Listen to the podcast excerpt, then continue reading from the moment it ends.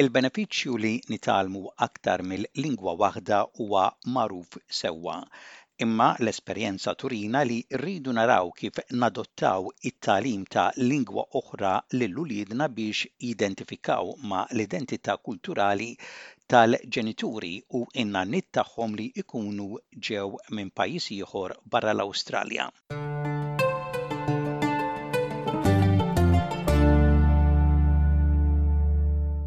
Informazzjoni miċ-ċensiment turi li waħda minn kull ħames djar fl-Awstralja hija mitkellma lingwa oħra minbarra l-Ingliż. U waqt li l-ġenituri jafu tajjeb li sewwa li t-tfal ikunu jafu jitkellmu lingwa oħra minbarra l-Ingliż, din hija biċċa xogħol kbira. John Hyjack huwa professur tal-lingwi fl-Università ta' Melbourne. Huwa jgħid li t-tfal li jkunu jafu aktar mill-lingwa waħda jmorru aħjar fl-iskola. Imma dan iservihom aktar minn hekk, jitgħallmu jifhmu d-differenza u n-nies ta' madwarhom u jifhmu aktar lilhom infushom. Ir-riċerka turi li tfal żgħar ta' erba' u ħames snin li jkunu jafu jew qegħdin jitgħallmu lingwa oħra jippruvaw li jkollhom aktar empatija lejn nies oħrajn fl-interazzjoni tagħhom u jippruvaw jifhmu aktar dak li jridu n-nies ta' madwarhom. U minbarra li dan ikun ta' benefiċċju għat-tfal, ikun ukoll ta' benefiċċju għas-soċjetà inġenerali. We know that over the longer term, bilingual children do better at NAPLAN, but actually there's more to it. It's about broader personal development, uh, children understanding difference, understanding people around them, understanding themselves. The research shows that small children, four or five year olds, who have another language or are learning another language, that they try harder to be empathetic towards people they're interacting with. They try harder to understand what people around them want. So, you know, it's really much broader benefits to an individual child and that of course has great benefits to society in general. Għal ħafna komunitajiet, jgħid il-Professur Hajcek, it-tagħlim ta' lingwa jgħin lill-familji jgħaddu l-għarfien kulturali liż-żgħar. Huwa jgħid li hemm ħafna stejjer ta' suċċess għat-tieni u t-tielet ġenerazzjoni li kienu kapaċi jitgħallmu l-lingwa tal-familja.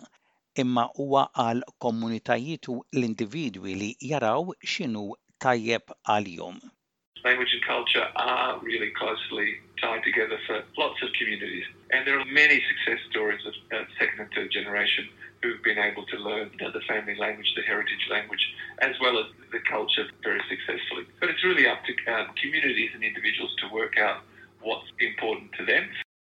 Meta niġu biex nidħlu u nifhmu ċerti kulturi, il-Professur Hajcek li huwa parti Sloven jispjega li l-importanza tal-lingwa tista' tvarja fost il-familji u l-komunitajiet differenti.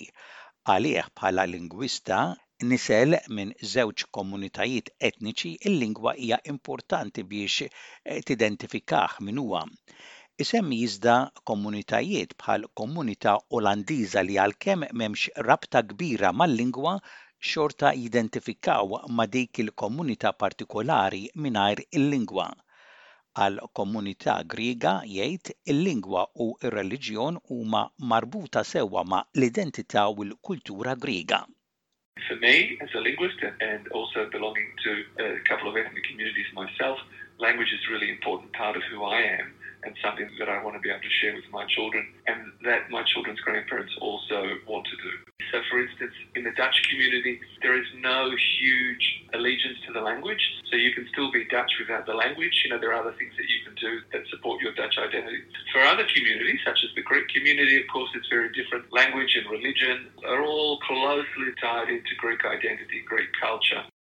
Għal familji li jkollhom it-tfal fl-Awstralja u jkunu jridu jgħallmuhom il-lingwa tagħhom, il-Professur Hajek jgħid li Għandna nkunu realistiċi u ma nistennewx iżżejjed. Jgħid li m'hemmx għalfejn it-tfal ikunu perfetti li jitgħallmu l-lingwa meta qegħdin jikbru fl-Awstralja.